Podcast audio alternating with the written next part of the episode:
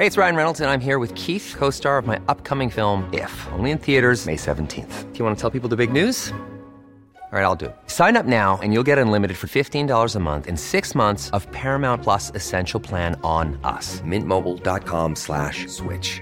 Upfront payment of $45 equivalent to $15 per month. Unlimited over 40 gigabytes per month. Face lower speeds. Videos at 480p. Active Mint customers by 531.24 get six months of Paramount Plus Essential Plan. Auto renews after six months. Offer ends May 31st, 2024. Separate Paramount Plus registration required. Terms and conditions apply if rated PG. I'm Sandra, and I'm just the professional your small business was looking for. But you didn't hire me because you didn't use LinkedIn jobs. LinkedIn has professionals you can't find anywhere else, including those who aren't actively looking for a new job but might be open to the perfect role, like me. In a given month, over 70% of LinkedIn users don't visit other leading job sites. So if you're not looking on LinkedIn, you'll miss out on great candidates like Sandra. Start hiring professionals like a professional. Post your free job on linkedin.com/people today. Hey there, it's Michelle Norris. I'm host of a podcast called Your Mama's Kitchen. When I travel, I'm usually looking for a way to find a taste of home when I'm not at home. And one of the things I love to do when I am at home is entertain. And Airbnb allows me to do that. When I was in California recently, I rented a house that had a great kitchen. And when we were sitting around the table, we're all thinking, we're in someone else's house. Someone could be in all of our homes as well. If you have a home, but you're not always at home, you have an Airbnb. Your home might be worth more than you think. Find out how much at airbnb.com/slash host. Okej, eh, då kör vi. Inga frågor? Eh, nej, Nej, nej, eh, nej, nej. nej, nej, nej. Jag gissar att du vill ha någon rapport från... eh, Ja, ja, vi går rätt på dig där. Ja.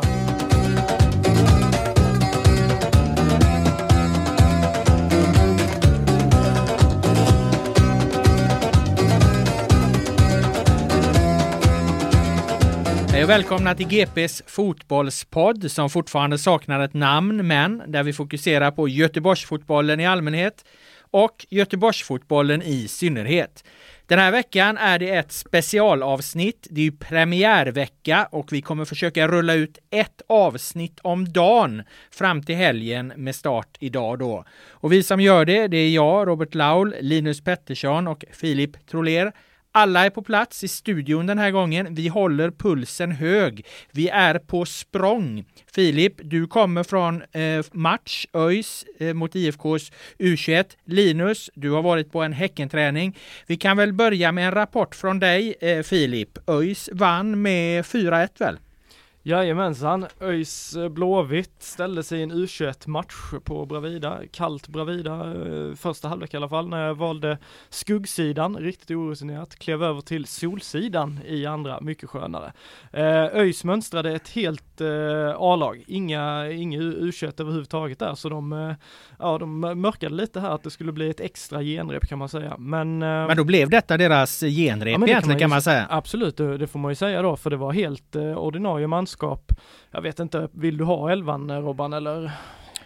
Innehåller den något spektakulärt så Ja, kan du ju nämna, Ja, vi- nämna vi- det spektakulära i så fall. Ja det kan vi ju göra och det spektakulära med matchen att de vinner med 4-1 är kanske inte sådär jätte uppseendeväckande med tanke på att Blåvitt Förvisso hade de ju med Alamari, Ambros, Vanasema och eh, Bernardo Villar också. Eh, det var väl de som var inslagen från Blåvitts A-trupp men ÖIS hade ju ett mycket starkare manskap. Bärkroth, Niklas, som vi har pratat så mycket om sedan han kom till ÖIS, han eh, startade som wingback och eh, gjorde det riktigt bra. Levererade två, två baljor och såg eh, fasen eh, riktigt fin ut. När du säger wingback då är det alltså yttern i det här 3-4-3 du, du, du, du syftar på då? Det Det- det- mer, mer än ett 3-5-2 va? Just det. Precis, det, de kör ju där med, med 3-4-3 och de kör ju en 9 och två 10 kan man väl Just säga längst upp och, och han tog inte någon av de platserna utan eh, gick då eh, som höger wingback eh, inledde han och eh, fortsatte där, eh, var väl över skiftade, de brukar ju skifta lite men, eh, ja, men han höll sig på högerkanten och gjorde ett jävla klassmål framförallt i andra halvlek, löpte i djupled, drog ifrån Bernardo Villar, hängde inte alls med och så kliniskt avslut i bortre. Första målet han gjorde i första där, det var inte lika läckert, det var knappt att den rullade över mållinjen, men mål det också ju. Så, äh, han såg fin ut. Men två mål som, som eh, wingback då, eller eh, ytter där, det låter starkt Linus. Men det är ju lite, alltså jag tycker det är inte- de här yttre, ytterbackarna eller wingbacks som eh, ÖIS de är så fascinerande alltså. Att de typ kastar in vem som helst där liksom. Vi hade ju Isak Dahlqvist som i alla fall jag ser som mer en innermittfältare, en offensiv mittfältare, fick ju också spela där liksom mm, mm. i sin, för, en av några av sina första matcher. Och så nu då Bergkrot som i och för sig är lite av en ytter, men, men man hade ju ändå sett att han skulle ta en av de offensiva positionerna. Eh, men det känns som de kastar in, alltså alla möjliga kan spela i den rollen nästan. Ja, han, och, då, och då alltså. har han ju redan liksom Elias Gustafsson, Anton Andreasson, Hampus Dahlqvist, det är ju liksom en gedigen uppsättning mm. redan och Paulsson var ju där och, och svira förra, förra säsongen också lite sådär, så det har varit olika men, men jag snackade lite med Bärkroth kort efter matchen och, och frågade honom om det där, hur, hur van är du att, att spela i den rollen liksom? Det är ju inte, han sa offensivt så skiljer det sig inte alls så mycket mot vad han är van vid, han är ju van vid att slicka linjen liksom. Men defensivt sa han att eh, där är ju lite att fila på sådär. Men de släppte lös honom offensivt och jag tyckte fasen han passar riktigt bra där också så eh, jag börjar faktiskt tro att det är där Niklas Bärkroth kommer utgå nu när det vankas premiär. Men den här monsteroffensiven då som vi har talat om tidigare, den är ju egentligen ännu starkare nu för nu får de in tre offensiva pjäser plus Bärkroth i den här rollen då, om jag förstår det här rätt. Ja men precis, för det var ju Sargon, Daniel Paulsson och Aydin startade ju längst fram och så då Bärkroth till höger och Anton Andreasson till vänster. Hampus Dahlqvist måste ju in i den elvan också så, så det blev väl Hampus till, till höger kanske och Bärkroth till vänster då. Det är ju, ah, nu är jag där igen. Alltså, det, det, det, det, är brutalt. Ja vi har höga förväntningar ja. på ÖIS och, och den som har snackat upp dem det är du Filip Trolén. Så det är du som kommer hängas efter säsongen om det här går åt helvete nu. Men i alla fall hur oroliga ska IFK Göteborg vara för det här? Inte alls tänker jag eftersom det var deras då i princip U21-lag eller? Ja, nej precis, alltså det här går ju inte att dra några liksom, kopplingar till eh, A-lagets form eller status på något sätt. Det var Alamari som sagt och, och Filip Ambros, eh, Villar och Vanna Sema då. Och Eh, Villa Villar spelade väl nästan hela matchen, Alamari gjorde en halvlek och i den halvleken får man väl ändå säga att Blåvitt stod ju ändå upp ganska bra. De hotade ÖIS ganska farligt i omställningsspelet så där Alamari lös inte om honom men han kände som att han tog på sig den här ledarrollen lite grann och hördes pusha mycket och sådär. Sen tyckte jag Ambros, som jag ska välja någon i, i Blåvitt idag, så var det ju han som var bäst tyckte jag. Han mattades av lite på slutet men Eh, så jävligt fin ut i vändningarna och, och vände spel bra och ja, där, eh, det såg intressant ut. Men han tycker jag är bra varje gång han får chansen egentligen, eller varje gång man ser honom egentligen, Ambros. Jag vet att vi hade med honom som, som liksom genombrottet tidigt här i, i vintras. Sen dess har ju mycket hänt. Jag har inte snackat så mycket om honom, men han är fortfarande en, en, en, liksom en dark horse där och, och kunna få ett genombrott ändå. Är det inte så Linus? Jo, det var ju aktuellt där inför bortamatchen mot Hammarby var det väl förra året när de var uppe och spelade två matcher i Stockholm i rad där och de hade mycket skador. Då vet jag att då var det faktiskt aktuellt att han skulle få kastas in direkt och Stare hyllade honom väldigt mycket då. Lagkamraterna har hyllat honom också väldigt mycket. Sen är det väl svårt att liksom få chansen på en sån position, kanske det är lättare om du spelar ytter eller ytterback eller anfallare. Då kan du lite mer få den här chansen, mm. det märks inte så mycket, men spelar du inne mittfältare, särskilt när Blåvitt spelar bara med två inne mittfältare också, då ska det rätt mycket till om du ska få den här chansen att blomma ut och han har ju Gustav Svensson, Simon Tern, Lamari före sig också så att, men, men jag tycker också, jag tyckte jag såg honom och spelade mot Utsikten, eh, var det väl i den Nej nu virrar jag till det här Norrby, eh, Norrby ja, precis i deras, eh, när de också matchade en del junior. Då tyckte jag också att han var en av de bästa på plan. Uh, så att han, ja en dark horse absolut. Nej, man ska nog inte räkna bort honom från den här årets genombrott diskussionen även om han inte fått spela så mycket i början. Rätt vad det får han chansen och då, då, tror jag inte han är så långt ifrån att ta den. Vi ska lämna eh, matchen. Vi ska gå över till en rapport från dig eh, Linus för du har ju som sagt eh, också varit på språng då så här inför premiären. Du har varit på, är det på GPA du har varit eller Gotia Park Academy och eh, ja, hållit koll på Häcken helt enkelt. Vad hände? Ja, jag såg både damerna och herrarna. De mm. tränade samtidigt så det är ju bra. Man kan slå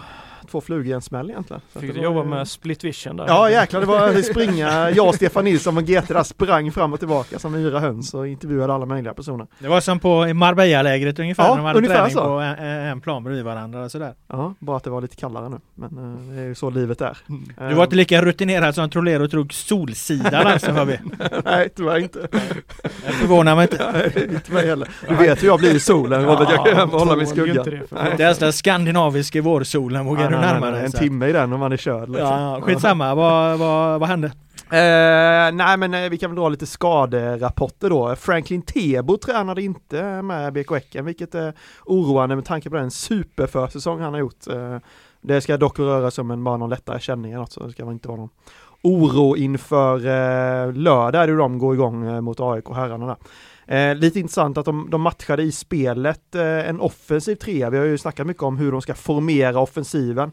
Då var det Jeremejeff, Uddenäs och Leo Bengtsson, eh, om man nu kan dra någon växel av det. Det känns väl ändå som den troliga starttrean längst fram. Ja, om Mm. Jeremejeff är eh, eh, fit for fight Ja, så han gav säga. en tumme upp. Jag frågade, jag skrek till honom, är du stark? skrek jag. Då gick han in i omklädningsrummet och gav en tumme upp, så vi får ta det som ett tydligt tecken. Ja, ja, kan vi avslöja det i tidningen imorgon? Ja det kan vi definitivt göra. Jag vet inte om det är värt en vinkel eller bara en poddnotis kanske. Eh, sen kan man också värt notera att Erik Friberg inte var med i den, det som såg ut att vara en trolig startelva då. Eh, Han lunkade runt bland reserverna istället. Det var Samuel Gustafsson, Gustav Berggren och Mikkel Ryggard eh, Eh, tyckte jag mig se i, i vad som såg ut att vara den tänkta startelvan. Men nu är det ju bara eh, tisdag så att vi har ju några dagar eh, kvar. Ja, det skulle ju vara en bomb annars om Friberg inte eh, spelar, om han kan spela så att säga. Absolut, och då har ju vi avslöjat den redan här nu tidigt, tänker jag i veckan. Så att det är därför vi bara nämner det lite i, i förbifarten. Samuel varvade ju ner med och, och kika lite på brorsan idag också på Bravida. Ah. Mycket eh, celebert besök här på, på Bravida idag. Det var ja, naturligtvis hela ÖIS delegation var där med Skånberg och Krulj och gänget och Stare och Jonas Olsson och en hel del agent, agenter också på plats. Så det var många ögon, men Samuel var där. Satt agenterna på Solsidan? De satt på Ja, solsidan, gjorde de satt också på skuggsidan i första, sen såg jag att de, precis som jag, de bara, nej nu måste vi över, det är för kallt. Apropå eh, kyla, eh, hur var det med damerna? Har de tinat upp? Alltså Häcken de, efter Umeå-matchen, Ja. det var, ryktades som att det var köldskador på spelarna. Ja, de spelade ju nästan med filtar på sig tyckte man ju där uppe. Eh, ja, men det, alltså det, de har ju riktat om fokus nu mot hemmapremiären såklart, men samtidigt är det svårt att släppa tror jag det som hände där uppe i Umeå. Eh, ja, vi har väl lagt ut någon text nu tror jag på sajt där liksom de hade haft interna samtal idag och eh, på något sätt bestämt sig för att ta det här vidare. Eh, och då främst genom att på något sätt markera att det här inte var ac- acceptabelt liksom. Att det här inte var professionellt. Eh, de tycker ju så här i efterhand att, att matchen borde inte ha spelats klart. Eh, den Ja, men professionellt från vem höll jag på att säga? Från Nej, men vä- vä- de är själv- vädergudarna Ja. Alltså, eh, Nej men de, de är dels självkritiska, eh, Robert Wieland är självkritisk eh, och, och liksom säga att ja, vi borde ha gått in och sagt att eh, ni, ni ska bryta det här liksom. De borde ha stått på sig. Så dels är de självkritiska, sen är de också kritiska mot, mot domare och delegat att det inte var ett möte där när matchen pausades med lite mindre än 20 minuter kvar. Eh, där ska det enligt reglerna, enligt Häcken, eh, ha, ha skett ett möte mellan domare och matchdelegat där man ska diskutera huruvida man skulle spela vidare inte. Något sånt möte ska inte ha hållits och då sa Robert Wieland att hade man gjort det så hade man inte spelat klart matchen. Så det är de lite kritiska mot. men vad är Ehm. argumentet att man inte spelar klart? Är det att det är kallt eller? Jag menar kyla brukar inte stoppa eller att det är mycket snö Skaderisk. då? Eller? Det var mycket skaderisk. snö som fan, jag, man, man Jo, jo det, har, det har jag fattat, men, eh, men alltså eh, för kyla stoppar ju normalt, då är det alltså att förhållandena, eh, bollen rullar för dåligt. Ja och skaderisken som jag fattar Okej. det, som är den, det är liksom det stora egentligen att, eh, att man inte ska riskera spelarnas hälsa helt enkelt. Mm. Eh, och det, det pratade de om i paus, eh, berättar Robert, eh, han och domaren. Och då uppfattade de, för då hade ju planen skottat, så då var det väl rätt okej. Det var väl i andra halvlek som det liksom Mm. braserade snö på riktigt liksom och blev liksom helt, helt egentligen ospelbart. Ehm, Men ja. i, och vad, vad får man ut av att i efterhand markera det här då? Det är att ifall liknande situation uppstår igen så, så måste man ta bättre beslut. Typ så helt att vi, vi måste nog lära oss någonting av det här allihopa liksom och se till så att eh, Så det inte får hänga ska- någon då utan nej. Nej, nej det utan mer liksom att eh, okej, vad kan alla vara självkritiska till ungefär i det här eh, läget? Det är ju inte bara premiärvecka. Det är också de sista skälvande dagarna av transferfönstret. Eh, där vi befinner oss just nu och frågan är ju då har vi några sista minuten affärer på bordet i våra respektive klubbar? Ja det har vi ju faktiskt kanske om vi börjar med IFK Göteborg så är det ju mycket snack om att det har lagts ett bud på eh, Jake Larsson, Örebros ytter. Eh, har du något senaste nytt därifrån Linus? Det har jag inte, eh, mer än att jag har tagit del av de uppgifterna eh, och att kanske jag tycker de är rätt förvånande. Alltså de har ju varit hooked på honom ganska länge och det råder väl inga tvivel om att han är en, en, en talangfull och duktig spelare som, som är alldeles för bra för att spela i Örebro och Superettan. Men, men frågan är om IFK Göteborg verkligen behöver folk på den positionen. Eh, det känns ju inte riktigt, tycker jag, som att de behöver en ytter. Och jag vet inte heller om han är en en ytter som kan spela yttermittfältare i ett 4-4-2. Ja, jag vet inte, jag, känner, jag tycker de är, det är lite förvånande faktiskt måste jag säga. Vill ni höra min teori så får du sätta betyg på den Filip. eh, nej men det har ju, eh, det, egentligen kom ju de här uppgifterna redan i vintras att, att Blåvitt var intresserade av, av, av eh, Erik Larsson. Eh, vad som har hänt nu då det är att man har ju öppnat upp ett löneutrymme i form av att eh, Paka Lagemyr har lämnat. Så här finns ju då ett utrymme som det är ju nästan alltid handlar om när man ska värva spelare. måste finnas ett, ett löneutrymme, en spelare ut, eh, eh, en ny in. Man har också fått ett definitivt besked om att Sam Larsson kommer inte i så fall. Så tolkar i alla fall jag. Eh, jag var på den här landslagspresskonferensen som Marcus Danielsson var med på i lördags och han var ju väldigt tydlig att de ska tillbaka till Kina, punkt slut. Ingen mer diskussion. Så utifrån det så blir det ingen Sam Larsson. Baka Lagemyr är borta. De vill ha in en spelare till. Eh, Jake Larsson har de varit på tidigare och gjort bedömningen att de tycker att han passar in och så. Han är en väldigt bra en mot en spelare och det är därför allt det här händer nu. Eh, köper du det Filip? Oh. Ja, jag, jag, gör nog faktiskt det. Ja men jag gör, eh, det, det, finns nog, eh, jag tror att det har blivit lite mer konkret för dem liksom vad de har att spela med, precis som du säger. Eh, och och eh, jag håller med Linus där att i, i, i grund och botten så kan jag inte säga att det är liksom en yttermittfältare åt höger som han väl ändå framförallt har spelat som, som jag ser som Blåvitts största liksom eh, behov. Jag hade väl snarare kanske med tanke på hur iskall Sorga är kanske liksom försökt stärka upp centralt anfall på, på något sätt. Så Willemsson och Berg har något eh, konkurrenskraftigt att, att, eh, bakom där. Men eh, det är klart, han är ju, han är bra inläggsspelare också och det, det blir blir väl en hel del eh, liksom komma runt inlägg och så Berg och Wilhelmsson i boxen och sådär. Eh, så det känns ju ganska logiskt. Dessutom, jag vet inte, Hossam har väl utgående kontrakt också, ja, tror jag. Ja. Mm. Både han och Sanna. Och då kan det ju på något, ja precis, så då kan det ju vara lite där i någon slags förebyggande syfte också. Och Larsson är ju då, som sagt, han är ju rätt ung fortfarande också. Sen är det ju ett tag sen han, det var 2019 tror jag, eller 2020 som han liksom kom fram. Sen har han ju varit ganska kall ändå, liksom det har sett hyfsad ut under försäsongen men han har inte lyst och det har ju funnits förklaringar till det. Han hade väl eh, liksom led av psykisk ohälsa och sådär som han har pratat om. Men, men eh, ja, det är li lite en chansning ändå på något mm. sätt tycker jag. Kanske. Men man kan ju lägga till då till din teori att jag läste nu, jag var ju inte på Blåvitts match senast, men Gustav Norlin ska ju tydligen vilja skolas om till anfallare nu. Mm. Han spelade ju där ja, det gjorde eh, han senast och han sa väl i någon intervju att, att jag vill nog spela där. Och då är det klart, då är man kanske ja. en ytterkott. I och för sig, så det kan ju vara en, liksom, en pusselbit till i din teori. Men då tänker jag, vad gör man med Kevin Jacob? Vad gör man med Erik Sorga? Vad gör man med Alfons Nygård? Då sitter man helt plötsligt med så här fem, sex anfallare. Och det blir jättekonstig balans mm. i truppen. Tror man inte på dem alls då liksom? Ja, Sorga är väl, har väl visat sig att man inte tror så jävla mycket Nej, på, så det är väl inte så konstigt. Men jag menar, glömde jag fan bort. Alltså, ja men, men alltså den, den, den, den, rena, raka, utmanande, snabba ytten om Norlin försvinner, det har de ju inte så jättemånga av. Jag menar Sanna är ju en person som vandrar inåt i planen mycket. Aiesh är ju det, men som sagt han har utgående kontrakt och man behöver ju fler. Eh, dessutom så vill man ju föryngra och Erik Larsson är 23, så ur det perspektivet är han bra ålder. Och eh, ja men han har en del fart mm. och så här. Så att, mm. alltså jag tycker den är ganska bra eh, på pappret den där värvningen. Om de inte betalar för mycket för honom. Det är det det handlar om liksom. Alltså det kan ju inte vara, vara, vara någon jätteprislappar här. Jag menar det spekulerades ju någonstans såg jag att det var x antal miljoner här det handlar om. Va? Jag vet inte om, om, om, om, om om det är så jättebra, för han har ju som ni är inne på stagnerat lite grann och exakt vad det beror på vet man ju inte om han, om han kommer tillbaka till den nivån eh, han hade 2019. Så att, eh, ja men någonstans en, en bra, bra affär om de inte betalar för mycket för honom. Det är väl alla affärer ganska bra i och för sig va? Men, men så tänker jag lite. Men sen har vi Hussein Karnell också som vi kanske inte får glömma bort. Man får inte, Aj, man får inte plocka in någon som står i vägen för honom Nej, tänker jag också. Varit... Han är ändå redo liksom tycker jag. Och och vara en inhoppare i alla fall. Ja, så lite så har han långt kontrakt Larsson så att de troligtvis kan behöva pröjsa en del. Är det någon som har koll på hans Ja, men framförallt så tror jag att det, ja han har, jag, nu vet jag inte om de har ett eller två år kvar, men han har ju, eh, alltså problemet är väl att det blir ja, tufft för Ö, Ö, Örebro att hitta en ja, ersättare ja, på så kort sant. tid och det är väl därför de då vill skruva upp prislappen. Det vill man ju alltid, men det, det, det, det är väl också där de tvekar då, ska de släppa honom när de vet att det blir ett problem för dem då att få in en ersättare eh, med kort varsel så att säga. Har vi några andra eh, potentiella bomber, transferbomber då? Eh, vi har ju, eh, nämnde vi väl redan förra veckan tror jag, Blair Turgott till eh, BK Häcken. Där har det inte rört på sig så mycket, eh, men det finns ju mycket där i så att säga. Ja, jag pratade lite med Martin Eriksson, sportchefen, när jag var där ute nu. Han vill ju inte, inte kommentera Turgott specifikt, men, men stängde väl inte heller dörren rent generellt för att det kan komma att hända någonting ytterligare eh, innan fönstret stänger. Eh, men de senaste, alltså det man har hört kring Turgott är ju att det, det verkar vara lite rörigt eh, om han tillhör Östersund eller inte mm. egentligen.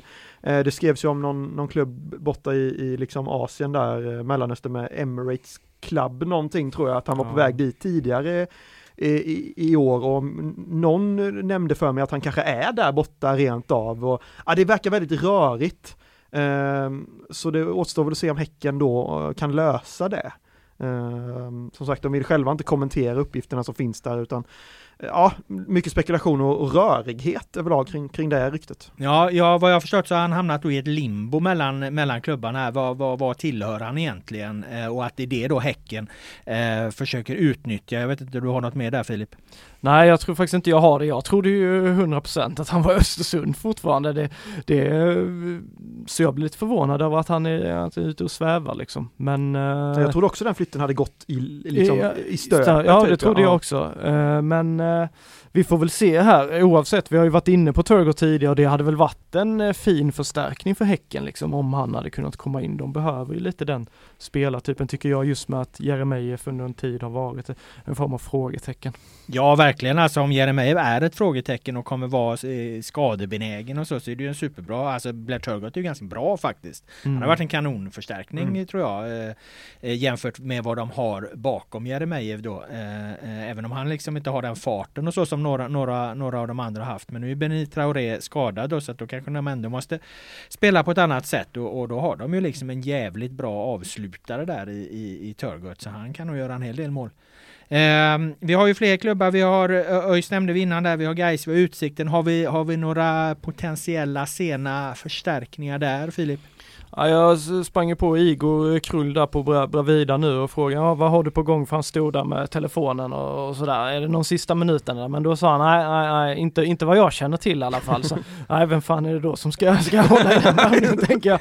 Så nej, nej, men eh, lite mer allvarligt. Sen så sa han nej, nej, men det kommer inte komma något och det förstår man ju liksom. De har ju en färdig, färdig bra trupp. Eh, det är väl möjligtvis liksom någon, någon eh, ytterligare vänsterfotad mittback lite där så, som man sa saknar kanske, men jag, jag har svårt att se att det, det kommer något. Emin Grostanic, det ryktet verkar ju någonstans ha dött av lite, verkar inte bli, bli någonting med den flytten, i alla fall inte, i alla fall inte nu och Grostanic han har ju liksom eh, någonstans cementerat sin plats i Gais lite mer nu, han var kapten senast i deras genrep och sådär så, så han blir nog kvar. ÖIS händer nog inte något, Gais är väl lite eh, Ehm, Simon Alexandersson är ju den långa följetongen där, han var tränare med Arla Fors eh, division 2-klubb nu tror jag. Eh, det man har kunnat eh, liksom lyssna till sig är väl att att eh, Gais inte helt liksom har släppt honom, även om Fredrik Holmberg som sagt prioriterar fart och offensiva spelare med fart och det har ju inte Alexandersson. Men han ska eh, enligt uppgift liksom ha, ha, fått någon form av kontraktsförslag med att det skiljer ganska mycket i ekonomi där, eh, vad, vad Gais kan erbjuda och vad han vill ha. Så som det ser ut så är det väl tveksamt om det kommer något där också. Eh, det är möjligt att det kan komma in något från sidan. Vi får se vad Sköldmark kan, kan plocka fram. Men eh, eh, Alexandersson känns väl här och nu tveksamt i alla fall. Den gode Sköldmark, ja han vilar aldrig. Jag kollade lite kring, eh, kring BK Häcken FF då eh, med sportchef där, eh, Christian Lundström som säger att eh, jo då, dörren, dörren, vi håller liksom eh, dörren öppen, bara spelarna är tillräckligt bra. Men det har de å andra sidan sagt nu i, i ett halvår ungefär att de har den där dörren öppen ifall, det, ifall de hittar någon som kan ersätta Stina Blackstenius fullt ut. Men hittills har det inte dykt upp någon och jag skulle förvåna mig om det faktiskt gör det de sista eh, skälvande eh, dagarna här. De har ju dessutom spelat sin, eh, sin eh, premiär då, den här snöpremiären mot, eh, mot eh, eh, Umeå som vi berörde lite och vi pratade lite om startelvan där vad Robert Vilahamn, tränaren skulle gå på för startelva. Eh, nu blev det ju både Julia Karlenäs och Marika Bergman Lundin centralt. Andrine Hegerberg som spets och sen var, eller som tia och så Johanna Rytting Kaneryd som spets och Stine Larsen hamnade på bänken. Som sagt, han letar ju efter en eh, elva där, Vilahamn, och det blir ju inte hans arbete blir inte lättare då av att både Elin Rubensson och Filippa Kurmark, eh, ingen av dem kunde spela den här matchen. Nej precis, om jag förstod det rätt eh, så hade Stine Larsen också eh, någon, någon form av svullet knä och att det spelade in i att hon inte startade. Eh, hon tränade för fullt idag igen tror jag, så att hon var också liksom ett så frågetecken till den matchen. Sen om hon hade startat ändå vet jag inte, men det kanske förklarar i alla fall, för jag tyckte det var lite förvånande att hon satt på bänken ändå i den här premiären. Att de då har tre ganska bärande spelare med, med liksom någon form av, av överbelastningsskador eh, innan allsvenska premiären. Ja, det har vi inte tagit upp än. Nej, Rubensson joggade idag och det är väl inte klart än huruvida hon kan spela på fredag då mot, mot Hammarby hemmapremiären. Eh, Kurmark tränade inte heller idag utan var iväg och röntgades. Eh, för hon har fått drabbats av en motlägg som hon har haft lite smärta av om jag fattar rätt.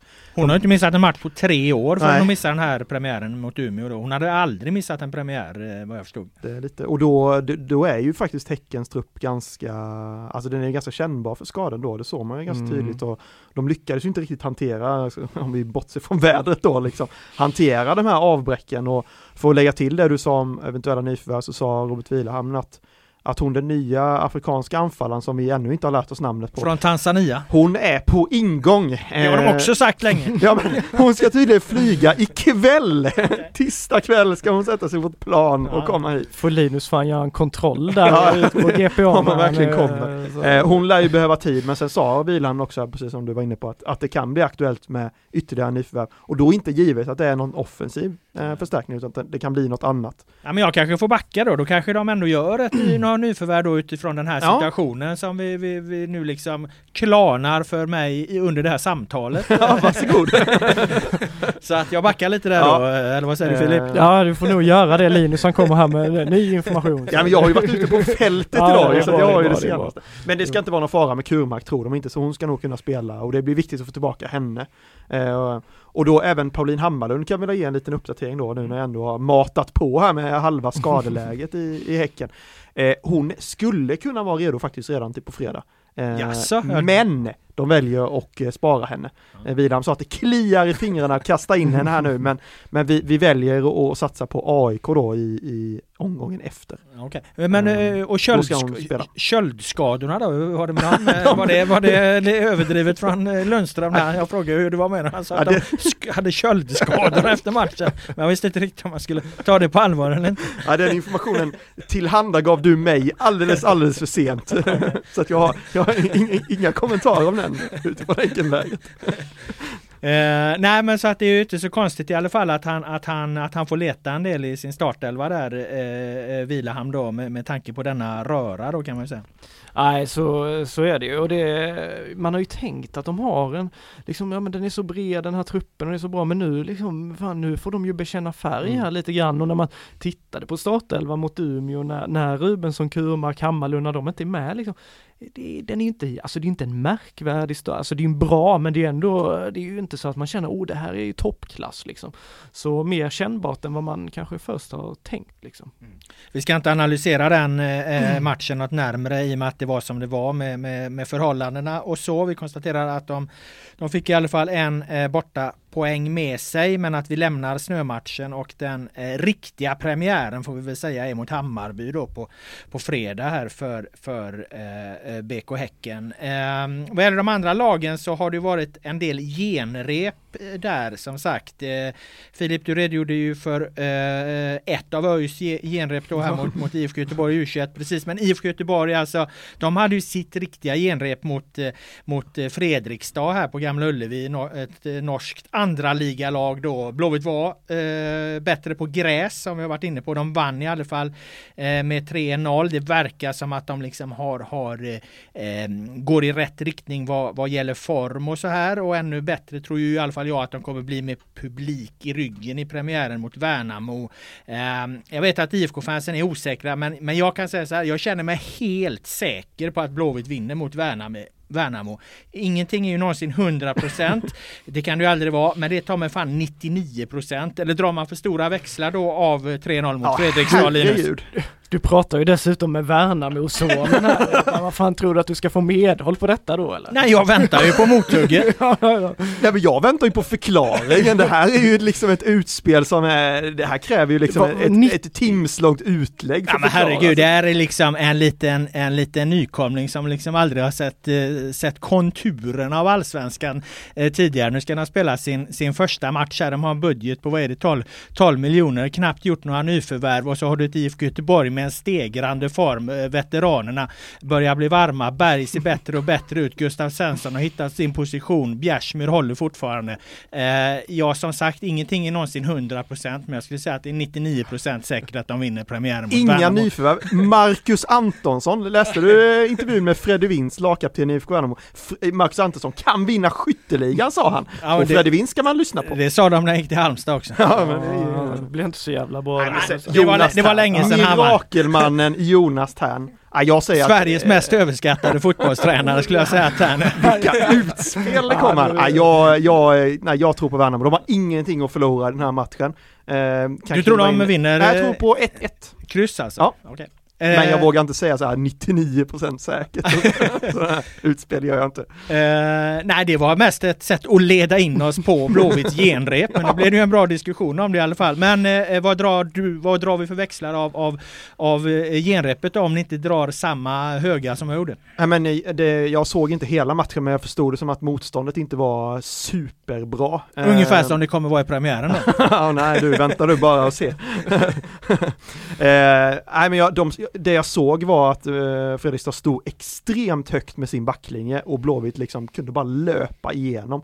Alltså de hade ju typ eh, hur många frilängder som helst höll jag på att säga. Eh, utnyttjade de ju på ett väldigt bra sätt eh, och Egentligen, eh, de fick väl ut vad de ville av ett genrep. Man vinner, man gör lite mål och framförallt man får inga skador.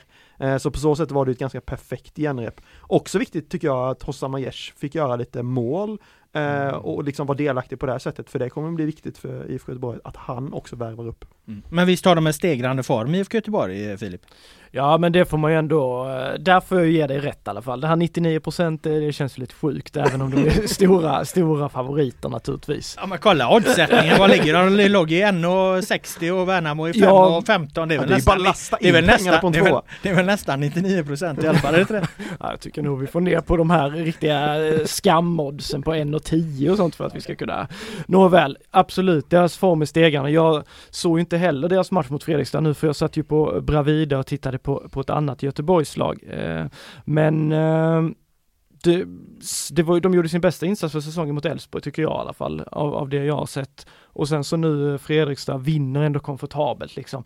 Det har ju ändå känts som att efter några riktigt jävla pissmatcher i, i kuppen och någon träningsmatch där så, så var ändå uttåget, visst mot Elfsborg, de åkte ut men de gjorde en väldigt bra prestation och de visade ju där att Eh, när, när de liksom slår på den där sista så, så är de rätt skarpa. Det blir inga mål i, i den matchen men de skapar ju chanser väl så många som, som Elfsborg. Så absolut, de är på, på rätt väg i alla fall. Och sen vad har vi? 14 000 sålda biljetter kanske blir fullsatt. Eh, publiken i ryggen får man lägga till också. Ja. Men, men eh, det ska Värnamo stå emot. Ja men det kommer busslaster med supportrar från Värnamo har jag hört enligt mina mycket säkra källor. Så kommer det invaderas eh, på borta, bortastå Är med. din släkt på plats här, eller? Jag tror faktiskt att brorsan skulle dit Det så är att, så, eh, ja, ja, ja. de kommer nog höras. Även kanske mamma sambo. Så att det, ja, det är, folk kommer vallfärda från Värnamo till ja. Förstår ni hur stort det här är liksom? Eh, och sen vill jag också eh, lägga in en liten eh, eh, notering om att min magkänsla säger att Viktor Claesson kommer skriva på för IFK Värnamo i veckan och därmed spela premiären mot IFK Göteborg Ja, det hade ju varit en jävla bomb. Då och kan du äta upp dina 99%. Sätt dig och skriv den nyheten skulle jag säga. Ja, det är ju en de, rätt stor, eh, stor nej, men jag- jag men borde att- inte han gå till Elfsborg tänker jag? Eller? Eh, han, nej men jag, jag tänker så här att eh, hans, nu det här, jag har inte faktakollat allt det här nu så jag kanske kastar ut mig för mycket men jag tror att hans tjej också är från Värnamo Ja. och att hon är eh, höggravid. Eh, och då tänker jag att är det inte skönt att vara hemma liksom med familj, nära liksom till eh, mor och farföräldrar och sådär när man liksom ska har barn och sådär och så spelar Viktor Claesson ett halvår i IFK Värnamo hjälper dem liksom ta de här nödvändiga poängen för, för att stanna kvar eh, i, i allsvenskan. Blir liksom eh, guda, eh, får någon form av staty där utanför film, nya Finnvedsvallen. Det går fort att få en staty i Värnamo. Det går absolut fort. Eh, nu när de ska bygga ny arena så är det bara, då är det bara liksom bygga upp staty efter staty. och sen liksom... Linus är fan nära staty också. och sen liksom lämnar han för, eh, ja, något liksom utlandsäventyr i sommar. Eh, det är min, eh, min teori. Det är en bra nyhet skulle jag säga. Ja den är riktigt bra. Den, ja. borde, du, den borde du sätta på print och... och, ja. och Nej jag och väljer att hålla den här tror jag. Okej, okay. ja. ja. det är bra nyhet för podden då. Eh, vad har vi några andra eh, genrep eh, eh värda att eh, nämna? häcken? Ja, alltså jag såg inte den matchen heller. De var ju i Norge och spelade där 3-3 tror jag det man kan säga tycker jag kring dem är ju liksom att defensiven känns ju helt plötsligt eh, väldigt ihålig. Det var ju massa insläppta mål mot Hammarby, det var massa mm. insläppta mål mot Utsikten och så massa insläppta mål nu igen. Eh, det som har sett ganska stabilt ut börjar helt plötsligt liksom darra lite. Nu har de ju bytt mycket folk och sådär som man alltid gör i, i träningsmatcher och sådär. Men eh, ja, fan om, om Blåvitt har en uppåtgående form så tycker jag nog Häcken har en nedåtgående form eh, inför den premiären. Ja, jag tror ju att de kommer ha problem på sina ytterbackar eh, där, både egentligen i speluppbyggnaden och, och i defensiven. Jag undrar om inte det som, som märks där, för att mittbacksparet är, är ju inget fel på. Jag menar eh, Hovland och, och Tebo har ju fungerat bra ihop. Men om Tebo nu är skadad som du eh, eh var inne på, eh, även om det var bara en försiktighetsåtgärd att han inte var med och träna eh, och lägga till då att de släpper in alla dessa mål så, så det är klart att då finns det ju anledning till lite oro i, i eh, Häckenleden, Filip. Ja, men er personliga favorit Johan Hammar då, ska inte han reda upp ja, allt det, här? Vi gillar honom men det är kanske inte så mycket för vad han gör på fotbollsplan. han är ju mer ett hot offensivt nu har vi ju ja, slått fast ja, den här det, just det. Ja men det är klart att det, jag, jag delar nog Linus uppfattning, deras form känns lite shaky liksom runt, runt eh, alltihop och med Beni borta också, Jeremejeff det frågetecken så, så är det inte så att man känner att oh, offensiven är liksom, det, det sprudlar där heller. Eh, nej, första månaden på försäsongen, då var de ju blivande svenska mästare enligt er som vanligt ju, men sen har Alltid för sig, ja. alltid försäsongsmästare ja, precis, ja. Men nu så är fan försäsongen inte ens slut och det börjar bli oroligt där. Vad, vad, är, vad är detta? Nej, eh, de får nog hoppas på att Tebo kommer tillbaka där. För jag tycker ändå han och Hovland tillsammans som du säger, alltså det, det, har ändå sett ut som att de har haft ett fungerande samarbete och Hovland individuellt tycker jag har varit, eh, sett jäkligt fin ut, även om inte jag heller såg den senaste matchen här. Så eh, Ja, nej, lite frågetecken kring defensiven, absolut. Sen AIK är ju en något tuffare premiär än mm. Värnamo också, det får man ju säga eh, för, för, för Häcken här då på, på hemmaplan. Det, det känns väl som ett kryss i bästa fall för Häcken. Ja, lite så ja, med, med tanke på hur de då kliver in till den här premiären. AIK har väl ändå, har väl ändå sett rätt så bra ut på, på för, försäsongen och få tillbaka några här med Milosevic var tillbaka nu senast hörde jag och Bahoui hade väl i och för sig fått eh, kliva av, han har varit jäkligt bra för Gnaget så. Men eh, Ja, det, det är ett kryss där. Är det någon 99 på, på Gnagets seger för tycker jag du får dra till med här. Nej men det känns väl, eh, kryss, eh, ja jag tror kryss låter bra faktiskt tror jag. Det känns rimligt. Linus? Ja, nej men jag tycker nog kryss också med lite, lite övervägande åt AIK-hållet också. Mm. Särskilt om de lyckas landa Gudetti här nu eh, innan fönstret stänger. Men han kom inte innan fönstret va, eller gör han det? Nej det nu? vet man inte, det har väl svängt lite där. Ett ja, tag okay. kändes det som att de skulle vänta till sommaren och sen helt plötsligt skulle de köpa loss honom nu och nu har det varit rätt tyst. Ja, det men det är, något, det är ju något med de här eh, när de köper dem på de här expertskatterna att det måste göras klart x antal månader innan de flyttar ja, okay. till landet och så. Jag vet inte om det är det det hänger på att du får komma, du måste göra klart det och sen det det är någonting med de reglerna där eh, eh, i alla fall. Och ska han vara på plats så, så som sagt då börjar det bli hög tid. Säger han och tittar på klockan. ja men lite så. Det, det, då borde han ju landa rätt snart där nu va. Eh, AIK kanske, kanske presenterar honom när liksom fokus är borta från landslag och allting när det, när det är, det vill säga imorgon då. Eh, andra genrep, eh, något som är värt att eh, nämna Filip från det du har varit på. Du, du var väl på, på, på ett par i, i helgen? Ja, jag var ju, kikade ju på Utsikten tidigare i veckan, men det. men det avhandlade vi ju då. Mm. De gjorde ju ett bra genrep, ser bättre ut än, äh, än vad man, äh, vad många hade kunnat tro tror jag. De ser jävligt jobbiga och tuffa ut. Jag, jag, som sagt, vi var inne på det lite senast att de, de som tippar dem sist, jag tror där får, där får de nog fel. Eh, Det vill säga alla journalister på, på upptaktsträffen, eller hur var det? Ja, men jag hann ju inte skicka in mitt tips. Inte jag heller vill jag tillägga. Nej, vi var, jag Gjorde var, faktiskt inte jag Nej, heller. bra, då kan vi. så vi, vi behöver inte ta någon skam där. Det var liksom. därför de kom sist. Tänk vad alla, gjort det. Jäklar vad de hade lyft i tabellen ja, då. jäklar, ja, eh, det, då blev det otroligt missvisande. De enda tre som, som, som hade kunnat tippa dem högre, ingen av oss fick iväg tipsen.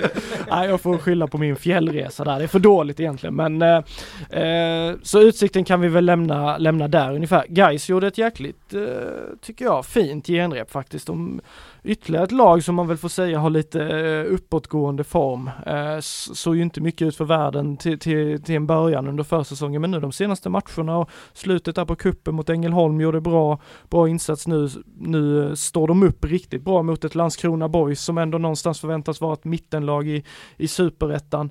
Eh, Michael Carbo får trycka in två baljor, han som eh, har varit första valet som central anfallare, naturligtvis jätteskönt för ett guy som alltid brukar lida av, av eh, svagt målskytte och ingen riktig given målskytte och jada, jada, jada.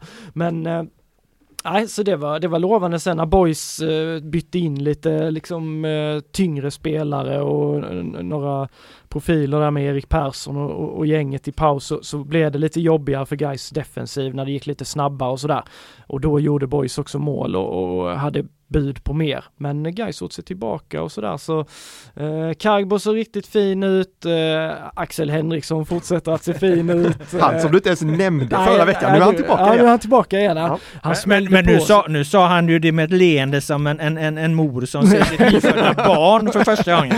ja, men, ja, men jag tyckte det var jävla gött alltså. Han, han, eh, fan vad han smällde på och han kom han lite så här sen in i varenda duell nästan liksom och Billy Magnusson där i boyspel, han var tokig på Axel Henriksson och Sköldmark studsade upp där och kaxade emot och det var liksom härliga känslor vid bänkarna och domaren röt till eh, fjärdedomaren där så det var, det var, det var mycket energi kring den här matchen och Sen lite krydda också, Adam Egnell och Nikola Ladan tillbaka mötte sitt eh, gamla Gais och det var ju 45 minuter av fokus på Ladan egentligen från gais supportrarna i andra halvlek. Det var Ladan åker ur i år och kom igen nu Nico! Så här, så mycket, mycket snack. Han, han, kändes nästan lite förvånad själv, Ladan. Vad helvete vad de brydde sig om mig liksom. Men det är kul att de kommer ihåg.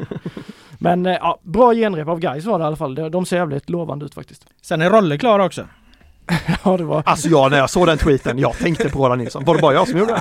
Nej, Vi jag, jag, hade ju en grej på redaktionen där våran redaktör sa ju jättehögt helt plötsligt Fan Rolle är tillbaka i Gais igen och alla bara liksom redaktionen stannar ju upp. Var fan Roland Nilsson. Nej så var det ju, det var fan inte Rolle Järnström. Ja, det, finns två roller i, i, i Sverige tydligen. Det hade jag ingen aning om. Snacka om clickbait liksom. Ja, lite så. Ja, men eh, jag ska säga att jag tror Gais ska vara gladare över att ha fått in Rolle Järnström än Roland Nilsson. Rolle Järnström är en jävla kung. Han är... Den mytomspunnen man detta ju. Ja, ja, han är enligt mig, jag håller med kollega Alexander Larsson där om att det är Göteborgs bästa speaker. Han är, han är magisk. Eh, En riktig Gais, Gais profil Han är ju varit speaker sedan många år tillbaka på Gais matcher och även gjort en hel del handbollsmästerskap och sådär. En ur-göteborgare känns han som och sådär. Finns bara en roll i Göteborg. Ja, du, du tycker det men du får... be- Nej men jag, jag, jag backar ju här du, nu. du, du backar, menar, ja, du menar att vi petar ner Rolle. Nilsson här nu? Han finns Ja. inte längre. Ja, nej, hade, hade han, med all respekt för Roland Nilsson, men in att han skulle kommit in som någon slags eh, hjälptränare här, jag, jag kan se Tänk det han och framför mig, Sköldemark liksom. som assisterande par där. Nej, jag vet inte fan. Nej, nej, som sagt, det var Nej. bra det här att det var Järnström som ska bli eh, sälj och partneransvarig då. Det var Vad det. är ett VM-brons mot Rolle Järnström? Nej, uppenbarligen eh, är det ju det. Men jag eh, reagerade på den senaste, det, det, det, kanske, jag kanske reagerade fel, men eh, när, när de sätter binden på eh, Andersén här, eh, kablar de ut den nyheten idag. Mm. Jag älskar ju Niklas Andersén, men är det, är det inte lite förvånande att de lyfter den från August Wengberg? Eller? Ja, lite. Sen vet man ju inte hur, alltså hur diskussionerna har sett ut där. August Wengberg, jag vet liksom inte, hans säsong i fjol kändes, det var ju inte så bra som August Wengberg tidigare har varit. Och han kändes lite som, utan att han har sagt det eller så här, men det kändes som att han blev lite belastad av det här kaptensansvaret. Andersén kanske känns lite mer, eh, ja men han känns lite mer manjana liksom. Wengberg tror jag blev väldigt känslomässigt engagerad i det liksom och att då bära kaptensansvaret också kan jag tänka mig blir liksom eh, lite påverkade honom. Det har ju funnits de diskussionerna tidigare också när binden lyftes från Kalle Nyström och Marcus Berg. Hålls vinsten så resonerade väl Bosko lite sånt också liksom. Men, men eh, alltså ja, Wängberg är ju kvar som vice kapten så han kommer ju fortsatt ha liksom en ledande roll men Niklas Andersén det är väl en jävla... Alltså det är en underbar kapten. ja, det är en underbar kapten. Vi har ju fått in en del eh, eh, lyssnarfrågor eller läsarfrågor eller det har kommit en del frågor eh, eh, apropå IFK Göteborgs satsning på det som kallas för eh, NFT, alltså eh, non-fungible token. Alltså Eh, digital konst, unika digitala samlarkort som ju är, en eh, stor sak eh, ute i världen och en stor framtidsgrej kan man väl säga. Däremot är ju IFK Göteborg den första svenska klubb som eh, börjar eh, hålla på med sånt här. En rak fråga till dig Filip. Eh, varför ska man köpa ett digitalt samlarkort på eh, Alamari, eh, Isabelle Svanström eller Marcus Berg för 2000 spänn? Ingen jävla aning. nej, nej men helt ärligt, jag är helt fel person att, att prata med det här om ens. Jag är så ointresserad av detta och eh, har helt ärligt dålig koll på liksom vad det innebär. Vad är grejen? Vad är det som är kul med det? Jag, jag fattar ingenting. Jag känner mig jävligt gammal när, när jag sitter och en säger boomer så här. eller vad, ja, vad heter det? Ja, nej, men det? Du är ändå yngst i det här rummet. Ja, vad fan är det? Ja, nej, kanske du inte Jag tar eh, nog Linus med en månad där tror jag. Något sånt där. Jag, jag har åldern eh, över honom så, så han får vara den unga entusiastiska personen här nu som istället då berättar om varför man ska ja, köpa Varför ska man köpa det samlarkortet för 2000 spänn? Ja, nej, 200 det dollar? Det undrar jag lite också. Nej, nej men alltså här, jag undrar också det i början, men jag tycker att ju mer man läser på och ju mer man lyssnar så är, alltså det finns ändå något syfte med det liksom. Jag tycker, jag var uppe på Kamratgården igår och pratade med dem om det här liksom. Och jag tycker jämförelsen med liksom eh, med att liksom varför ska, det är som att de skulle sälja tavlor egentligen. Signerade mm. tavlor på ett sätt. Eh, och varför ska man köpa en tavla, kanske en signerad tavla av Marcus Berg? Ja men för att man själv tycker att det är ganska coolt att ha det liksom. Det här är ju lite, alltså jävligt enkelt förklarat, en, en digital tavla egentligen. Jag förstod det till, till och med att man kan så här, köpa så NFT-ramar och liksom hänga upp på väggen. Där man då kan ha sin sån här bild man har köpt liksom. Ja. Så att på det sättet så ser jag ändå ett syfte med det, att liksom, ja, digital konst liksom. Nej, jag Konst som inte, sen, sen är det ju liksom, sen får du vissa förmåner med och sådär men, men, men, jag tror man helt enkelt ska se det som en kul grej och ett sätt liksom att sponsra klubben egentligen. Mm. Däremot så tror jag att man måste eh, eh se att den här liksom marknadsföringen som IFK Göteborg har gjort, eller informationen som IFK Göteborg har gjort kring det här har varit ganska katastrofal för att det är väldigt mycket de, de inte berättar. Många tror ju, kopplar ihop det här med, med, med liksom de här eh, korten som handlas ute i Europa och så och, och att, att det liksom kan vara en investering, att man kan tjäna pengar på det så här, vilket är ju väldigt, väldigt lite talar för. Det här är ju inte, inte några saker som kan användas i så här fantasyspel och grejer, utan de här finns ju på, på eh, Atlanten då som den heter, eh, på deras marknadsplats helt enkelt. Man betalar då 2000 spänn och så, och så har man den här unika digitala bilden och, och, och eh, kan ta ut den och eh, vad man då får är ju också liksom lite rabatter i deras supportershop och så. Så att är det det man vill ha så är det det man får. Men man ska inte, inte förvänta sig att man får något mer eh, av det. Jag har gjort en del research runt det, pratat runt med folk och alla säger ju att NFT är en stor sak för framtiden. Det här liksom kommer vara en del av vår gemensamma vardag. Vi kommer samla på digitala saker på det här sättet. Det säger alla, det råder ingen tvekan om. Eh, däremot är det ingen som tror särskilt mycket på det IFK Göteborg och Atlanten gör just nu. Där har jag fått väldigt, eh, väldigt mycket mer svag svag respons på att det här skulle kunna bli någon stor grej med saker som ökar i värde utan många pratar om att det här är väldigt utstuderat för Amir Al-Amari som är jättestor i Irak. Han har jättemycket följare på Instagram och så vidare och att den här satsningen ytterst ytterst är liksom ett sätt att dra in lite pengar på det och få lite snurr på det den vägen. Ja men också testa liksom, alltså de är ju först ut i Sverige mm. liksom. Och det, de säger ju själva att det här kanske blir en flopp, det är kanske ingen som köper men vi får ändå testa och se liksom. Och precis som du säger, NFT det kommer vara en del av vår verklighet framöver. Så det, jag tycker det är bara häftigt av IFK Göteborg att välja och testa det. Det kanske blir en succé, vem vet? Och Atlanten kanske släpper ännu fler liksom kort på sin eh, plattform framöver. Eh, om jag förstod rätt så också, får man tag i ett av de här korten som släpps nu så får man på något sätt förtur till kommande släpp. Mm, okay. eh, nu är ju de IFK Göteborg absolut först på deras plattform, man har ingen aning vad som kommer härnäst. Eh, men om jag tolkar det rätt så är det fler klubbar som kikar på det eh, och även SEF, eh, Svensk Elitfotboll, kikar på det, hur de ska kunna använda det. Det handlar inte bara om att man kan det handlar inte bara om bilder, alltså du kan ju, du kan ju sälja klipp till exempel. Eh, om man säger liksom, det finns ju något Blåvitt-klipp med, med Jallow när han jublar där, var det Djurgårdsmatchen va? Eh, när han spelar fram, eh, är det Sana tror jag, till något mål. Det kan, det kan ju bli att man, man säljer sådana klipp också. Eh, jag tror Manchester City sålde, sålde liksom slut sin arena i olika delar.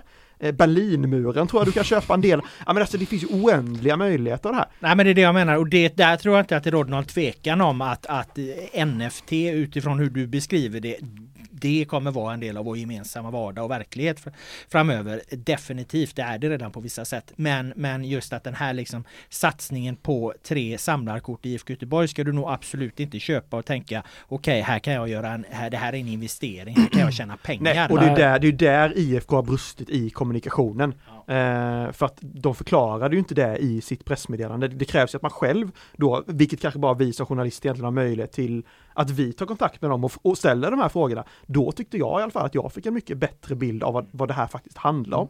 För, för många förväxlar det också med krypto till exempel och pyramidspel och liksom mm. brotts, alltså kriminal, kriminell brottslighet i det här. Men du kan alltså gå in och köpa sånt här kort med liksom ditt Visa kort. Mm, liksom. Mm. Det, det, det, är inte kopplat till krypto på det här sättet. Nej, jag kollade och, och faktiskt att man inte förklarar det bättre, det, det, håller jag med dig om att Men jag, kommunikationen har varit dålig där. Det kollade jag faktiskt med Finansinspektionen för att det är ju en, en, sak som dyker upp eftersom det går ju även, det kommer även gå att handla med kryptovaluta via Atlanten eh, och då ska du egentligen ha tillstånd från eh, Finansinspektionen. Men eftersom den här plattformen är helt ny och unik i sitt slag så sa de på Finansinspektionen Finansinspektionen att eh, de har inte prövat om den här kommer behöva tillstånd eller inte för att handla med kryptovaluta. Så att den frågan svävar liksom lite i luften och det är möjligt att de måste ha ett tillstånd framöver. Men just nu så vet man inte ens Finansinspektionen kan svara på behövs det ett tillstånd eller inte. Men det är precis som du säger, många sådana frågor dyker ju upp. Googlar du på NFT så är det ju mycket så här liksom anklagelser mm. om pyramidspel och grejer. Och nej, det här är inget pyramidspel för jag var i kontakt med Spelinspektionen också. De var tydliga. Det här har inte, upp, det här har inte strukturen av ett pyramidspel, det som IFK Göteborg och Atlanten gör, gör, nu. Men alla de här frågorna fanns ju någonstans och de besvaras ju inte av, av IFK Göteborg. Men, om, om, man bortser då från den här svaga kommunikationen så håller jag ju med dig då när man, när man nu lyssnar in liksom.